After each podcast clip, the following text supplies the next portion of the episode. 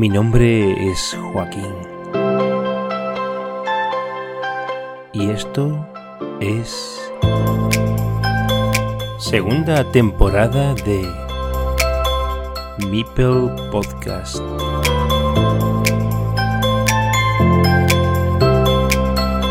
Welcome to Carcassonne.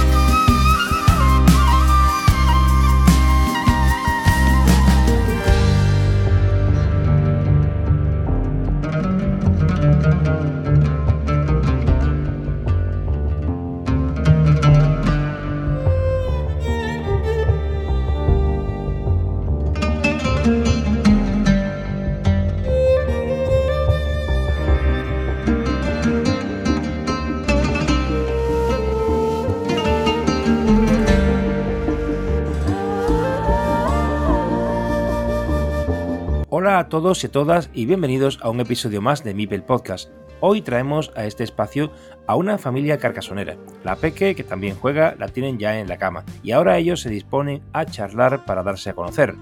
Adelanto que esta entrevista será corta, un aperitivo para conocerlos, ya que están llamados a la participación en otra propuesta que se traducirá en un nuevo episodio colaborativo que verá su publicación durante el mes de noviembre y que será una sorpresa son relativamente nuevos en la comunidad de Carcassonne Spain.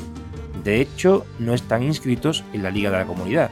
Son fans de las expansiones y estuvieron en septiembre visitando el evento del aniversario de Carcassonne en la propia ciudad de francesa que lleva su nombre.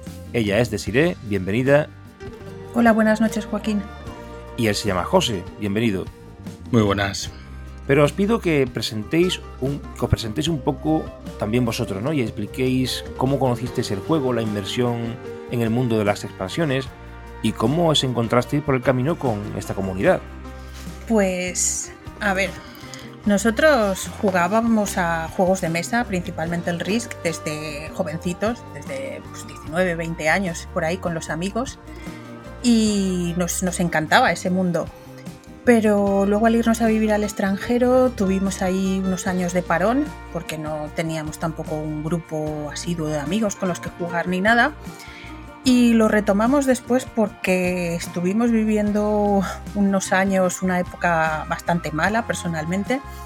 Estuvimos inmersos en múltiples tratamientos de fertilidad que no daban, no daban fruto y sobre todo por las noches, al estar en casa los dos solos, eh, necesitábamos desconectar.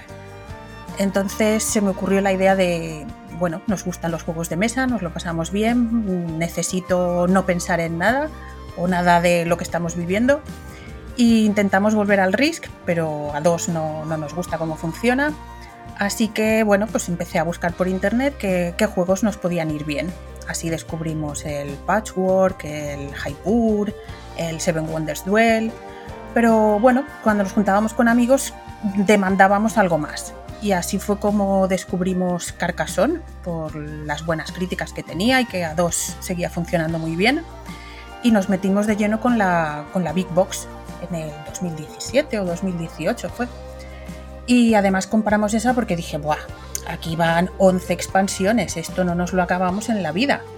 Pero, pero me equivoqué porque jugamos a todas ellas, las hemos quemado y, empezamos a jugar a las demás. Poco a poco fuimos comprando el resto de expansiones que nos faltaban, hasta que incluso descubrimos el maravilloso mundo de Kuntko y ahí empezamos con las mini expansiones y hasta hoy que hemos acabado aquí, ya ves.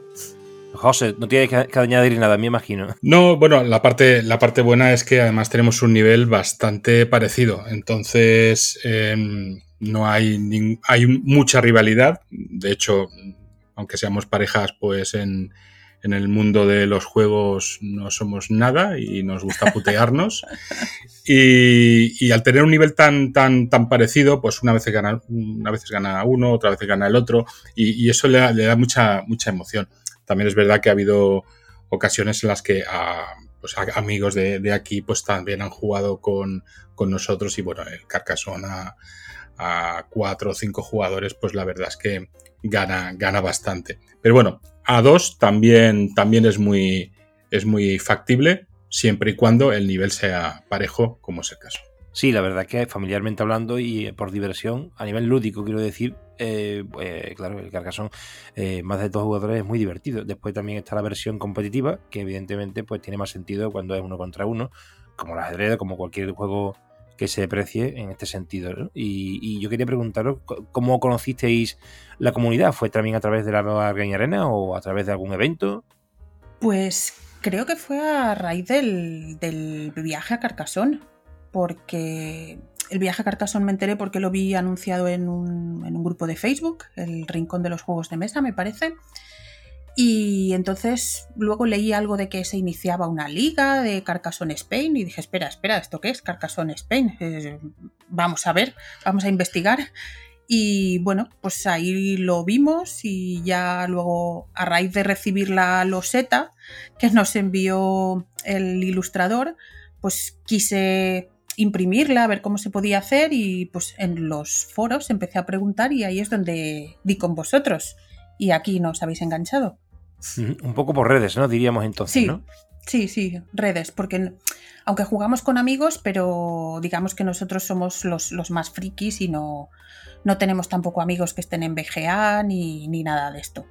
Bueno, y estáis en la comunidad, en el Telegram, en el chat, pero eh, habéis entrado recientemente, bueno, tú en este caso, Desiree, al grupo de Carcassonne haciéndose juego de palabras de Spain y de expansiones, pues Carcassonne Expansions, que me supongo que estará súper contenta de haber encontrado a, estos frikis y coleccionistas de, de Carcassonne.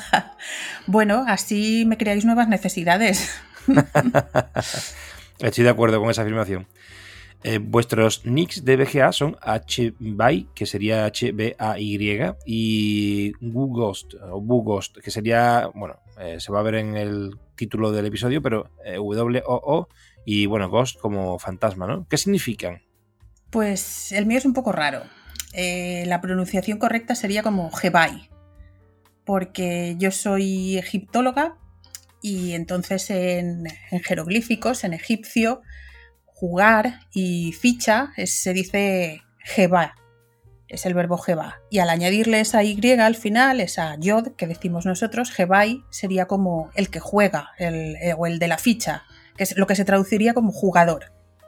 Y bueno, a todos nuestros dispositivos electrónicos en casa y eso siempre le pongo nombre egipcio y dije, pues mi nick, en vez de que sean mis iniciales o algo así, pues que sea el jugador en egipcio que es algo que me define. ¿Y José? Pues en mi caso, bueno, viene ya de hace 30 años prácticamente, porque todo empezó en la universidad. Yo soy informático, entonces cuando entré en la, universidad era una época maravillosa, los años 93, el comienzo de Internet y, estas cosas así a nivel más de, usuario. Y bueno, un día tenía que darme un, de alta un usuario en la universidad para para tener acceso a, los ordenadores de la universidad y en aquel momento no, no pedían lo típico de nombre, apellidos ni cosas de esas, podías poner lo que tú quisieras. Y bueno, yo en aquel momento pues eh, decía mucho la palabra bu por alguna razón eh, y mis amigos se, reían mucho conmigo y se me ocurrió poner, eh, no, BU no podía ser porque eran dos letras y me, me pedían tres y pensé en WOO, que aunque no sería Bu, es WoW, pero bueno, da igual, por Wizard, eh, o sea, el mago de Oz, ¿vale? Wizard of Oz. Y, ahí empecé. Y de hecho, todos mis amigos eh, y compañeros de la universidad y amigos posteriores me, llaman Bu. Y, entonces, pues bueno, es el que utilizo. Y lo de Ghost viene porque en aquellos sitios donde no puedo utilizar eh, Bu porque está ocupado o bien porque tres letras eh, no, lo permite, pues utilizo el Ghost de Fantasma, el Fantasma Bu, podríamos decir. O, como susto, ¿no? Sí, sí, realmente, sí, sí, efectivamente. Es como, es como el susto, pero bueno. Y ya te digo, me conocen todos mis amigos y de hecho me llaman así, o sea, pocos amigos me llaman José, realmente. Eh, yo la verdad que soy un enamorado de la informática y bueno, y todo esto también de la, de la pasión de hacer el podcast y demás, pues también procede de, de la gestión a nivel de usuario también del ordenador con todas estas cosas que hace de edición y demás. Y la verdad que todo eso me, flipa. Pero es curioso porque el perfil de Desiree en BGA me ha llamado mucho la atención por la figura, ahora que dice que es egiptóloga, para mí, eh, bueno, eso es una pasada. Yo no, no conozco a ni a nadie que sea egiptólogo o egiptóloga, pero la figura de una efigie jugando algún juego parecido al ajedrez, por un lado me llama la atención porque me encanta esa parte de la historia, ¿no? Y, pero por otro lado, la incógnita del juego representado en la imagen, eh, deciré. Sí, pues la imagen que puse es una muy típica para los que, estamos metidos en el mundo de la egiptología, que es la reina Nefertari, o sea, la, la esposa favorita del faraón Ramses II, en su tumba está ella pintada jugando, delante de un tablero jugando al Senet, es el juego del Senet.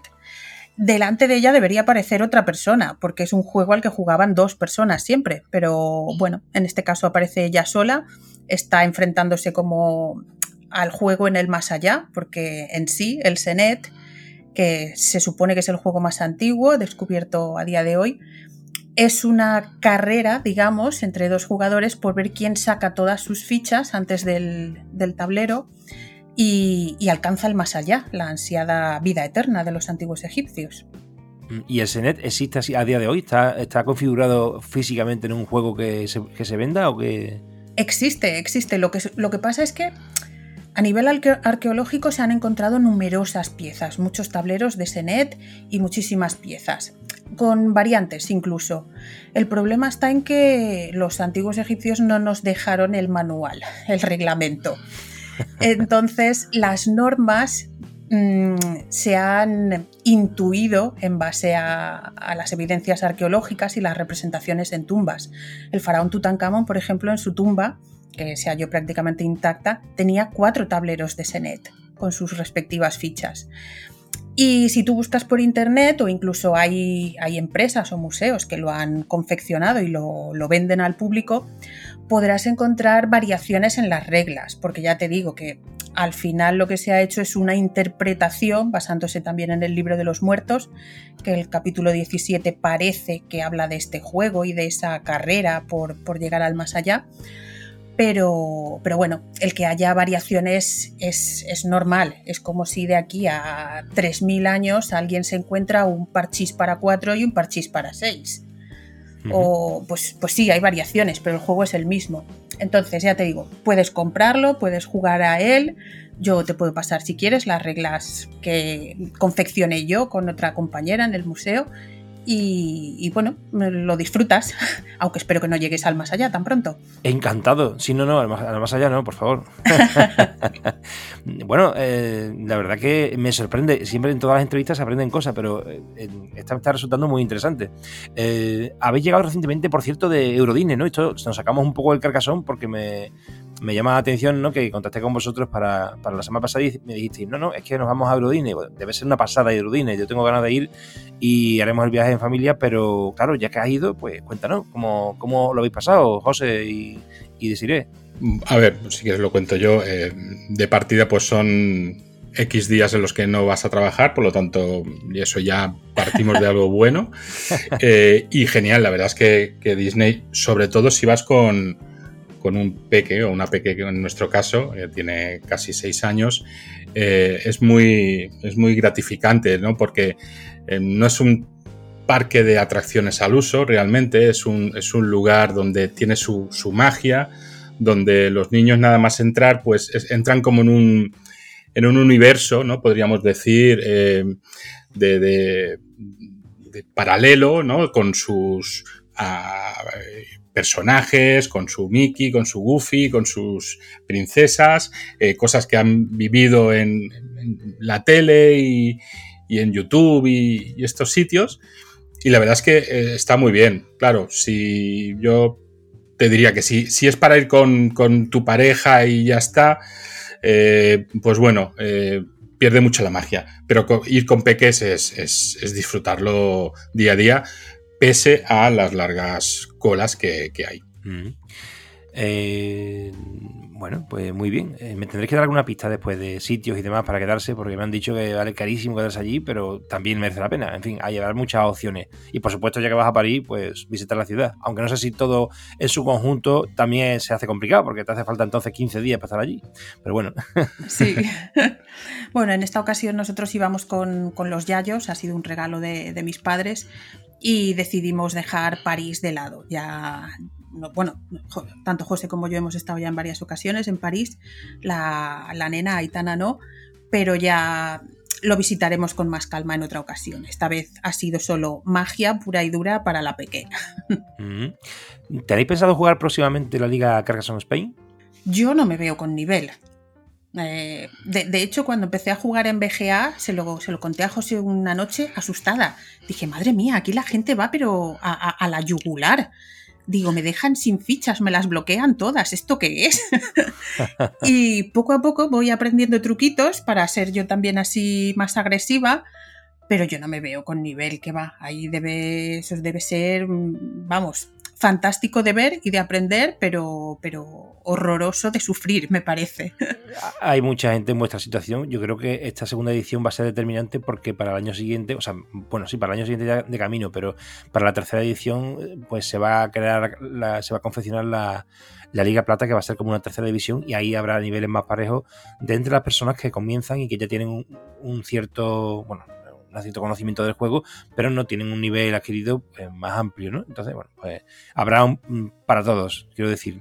El otro día, por ejemplo, eh, me descargué un PDF de, internet donde estaban todas las losetas con su número, porque digo, aquí la gente se las sabe de memoria seguro. Es imposible que, lo hagan por, por, intuición. Y yo creo que, bueno, es el siguiente paso, es, es, memorizar el número de losetas de cada tipo que hay porque estoy convencidísimo de que la gente se las, se las sabe de memoria. Bueno, el orden, desde mi punto de vista, el orden sería, eh, primero, eh, entender el juego completamente, que evidentemente, pues ya vosotros lo entendéis, sobre todo con el uso de los granjeros, lo que sean los campos. Lo siguiente, desde mi punto de vista, antes incluso que saber los setas, eh, tener esa, bueno, ese, esa, ¿cómo diría? esa malicia, ¿no? de, saber que hay que bloquear que, hay situaciones que son más complicadas de rellenar un hueco. Entonces, bueno, intentar también el asalto a una ciudad que es del otro e intentas conectarte, ¿no? Para, evitar que el otro puntúe tanto, ya no porque vayas a puntuar tú, sino porque puntúe el otro. Y bueno, evidentemente el paso, el paso también que está ahí también junto con eso que acabo de comentar es saberse las losetas, porque si no te las sabes, tampoco sabes qué que lo que bloqueas en realidad. ¿Qué probabilidades tienes de poder acabar bien o no? Efectivamente. Y, ya después lo que queda, evidentemente, es que cuando, cuando ya te conoces las losetas, pues vayas calculando qué losetas son las que han salido, por si te hace falta una, saber si, si no vas a poder conseguirla o no, en función del movimiento que vayas a realizar y, por supuesto, eh, cuando quedan pocas, pues saber qué es lo que queda. Pero de esta manera mucha gente juega a nivel intuitivo, porque ya hablábamos en algunas otras entrevistas que, que evidentemente cuando te dedicas a calcular demasiado y a memorizar tanto, al final lo que pasa es que pierdes un poco la intuición del juego y se pierde la parte esa lúdica que, se que, divierte, ¿no?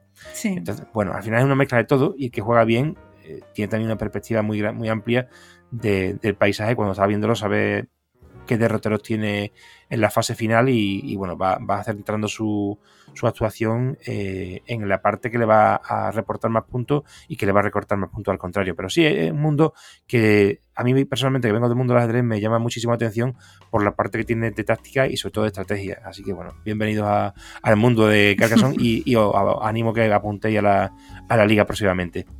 Lo pensaremos. Gracias. Sois valenciano, pero actualmente tenéis vuestra residencia en Cataluña, ¿verdad? Sí. Bueno, pues solo animaros también a los presenciales de los organizadores del entorno catalán, que se llaman Carcassonne.cat, que se lo ocurren de lo lindo y son también los artífices de la genialidad del Campeonato del Mundo por equipo de Carcassonne Online y también del, europeo. Madre mía, con, esa presentación ya da un poco de miedo porque se ve que el nivel es alto. Pero sí, sí, aprovecharemos la cercanía para, para conocerlos y meternos un poquito más en este mundo. Muy bien. Eh, vuestra hija también juega al Carcassonne con vosotros, ¿no? A ella lo que pasa es que, fíjate, eh, nosotros solemos jugar los dos solos siempre, pero mi hermano y su novia vienen algunos fines de semana y siempre piden jugar a Carcassonne, porque les, les encanta, ellos también tienen la Big Box y entonces nos pasamos toda la tarde jugando a, Carcassonne.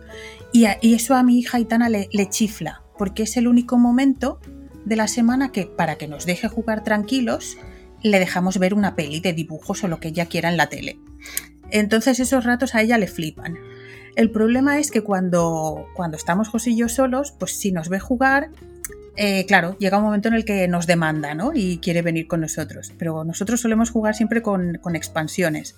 Entonces, claro, cuando ella nos ve, dice, no, no, pero sacar el normal, el básico, y a ese juego yo. Y ahí es donde ella sí que juega. Tiene cinco añitos aún, pero bueno, ya, ya le vamos enseñando que no solo hay que dejar las ciudades bonitas, que es lo que a ella le gusta, y, y, de, y, quedarse ya con todos los meeples rosa, que se trata de ponerlos en el tablero para sumar puntos. Y entonces, pues bueno, eh, siempre juego yo con ella para así pues le voy explicando de mira, tú ponlo aquí y así fastidiamos a papá y no sé qué, y, esa parte es la que le gusta. Voy a recuperar el, hilo este de las expansiones para preguntaros cuáles son las que más os gustan. José, ¿cuál, cuál crees que le gusta más a sí y cuál te gusta más a ti? O, si os gustan las mismas. Eh, bueno, realmente, eh, ¿cuál nos gusta más? Es, complicado. Al final, yo considero que hay algunas que son, que son básicas, ¿vale? Y otras que, igual pues nos, nos, nos gustan menos. Por ejemplo, una que hemos descubierto hace no mucho, la de, la de los dragones, eh, la verdad es que me parece apasionante porque es allá el, nivel de putear al, prójimo lo, eleva muchísimo. Y está, pero bueno, al final, eh, bueno, lo que son los...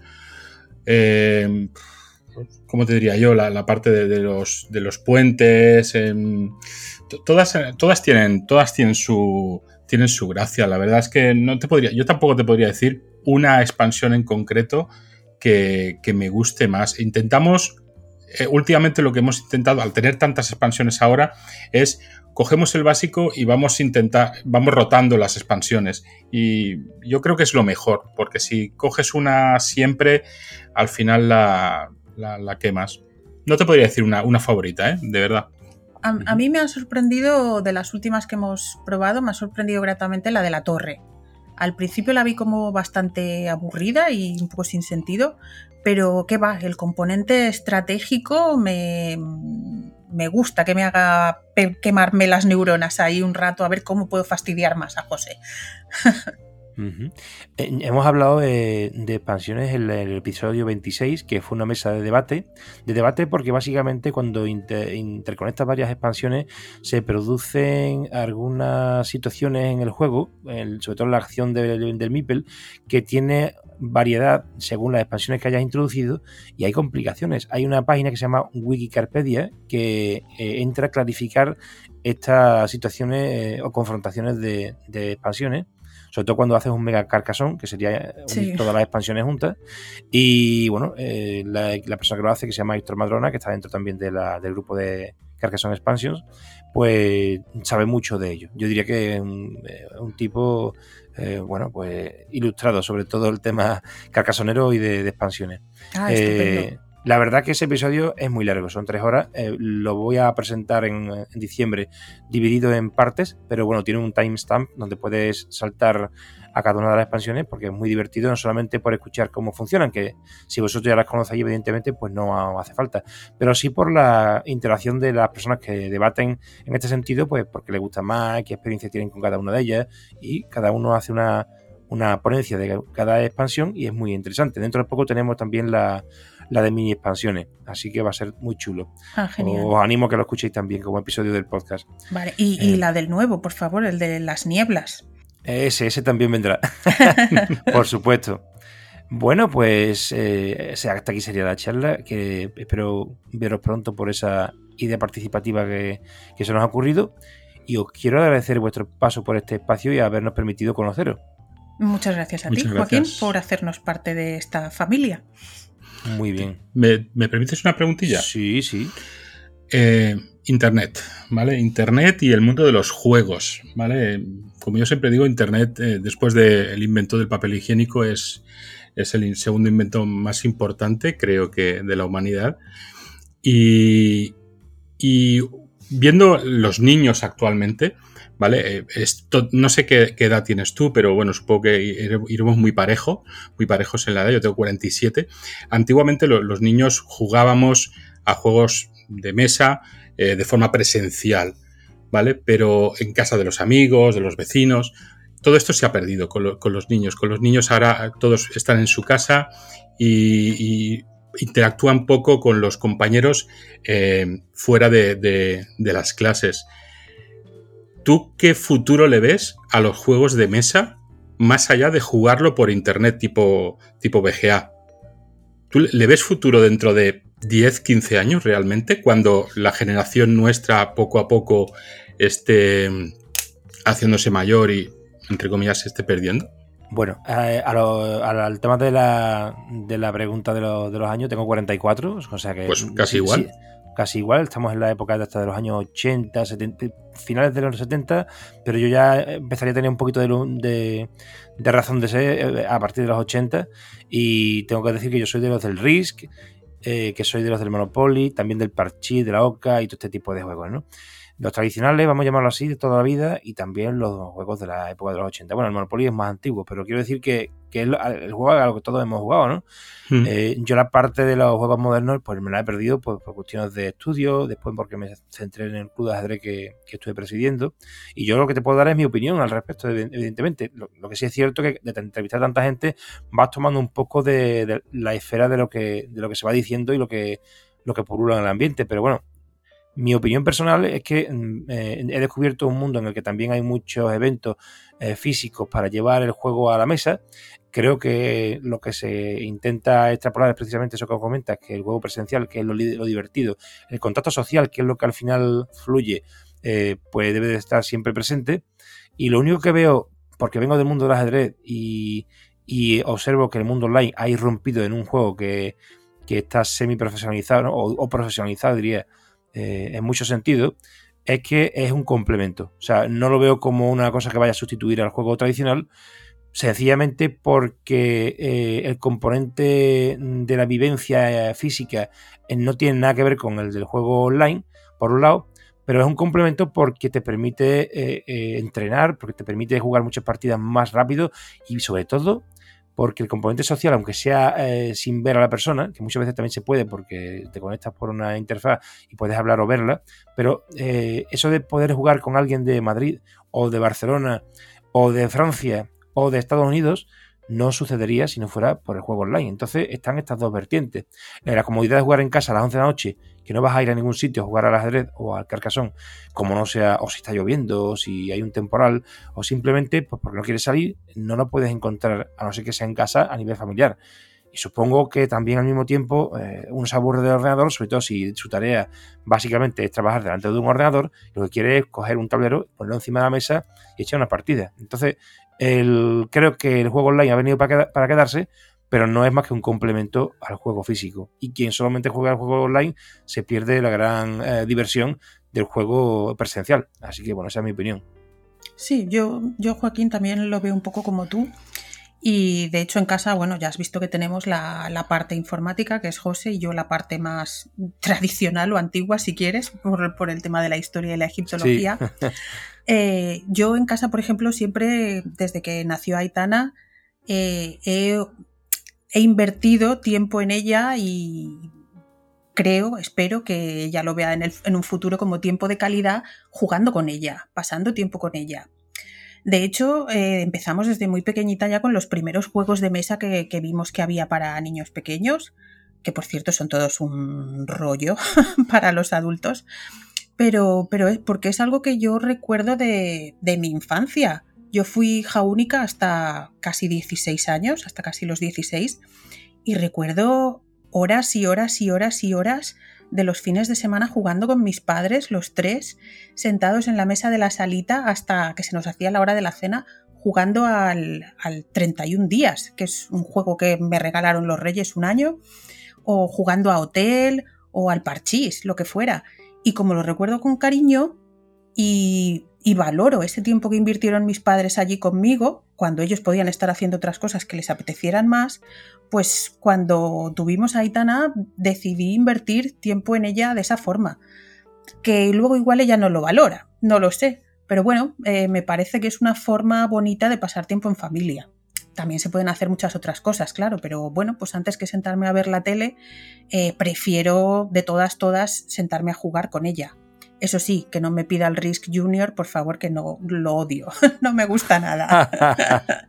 Em, diferente es el Carcassonne Junior, por cierto. Voy a hacerte una, eh, un comentario así un poco poético, no sé, diría yo. Eh, pienso respecto a lo que has dicho de invertir tiempo en tu hija, y esto no sé, tiene que ver con Carcassonne, entiendo, pero lo, digo porque como me has comentado esto, pues me viene a la cabeza.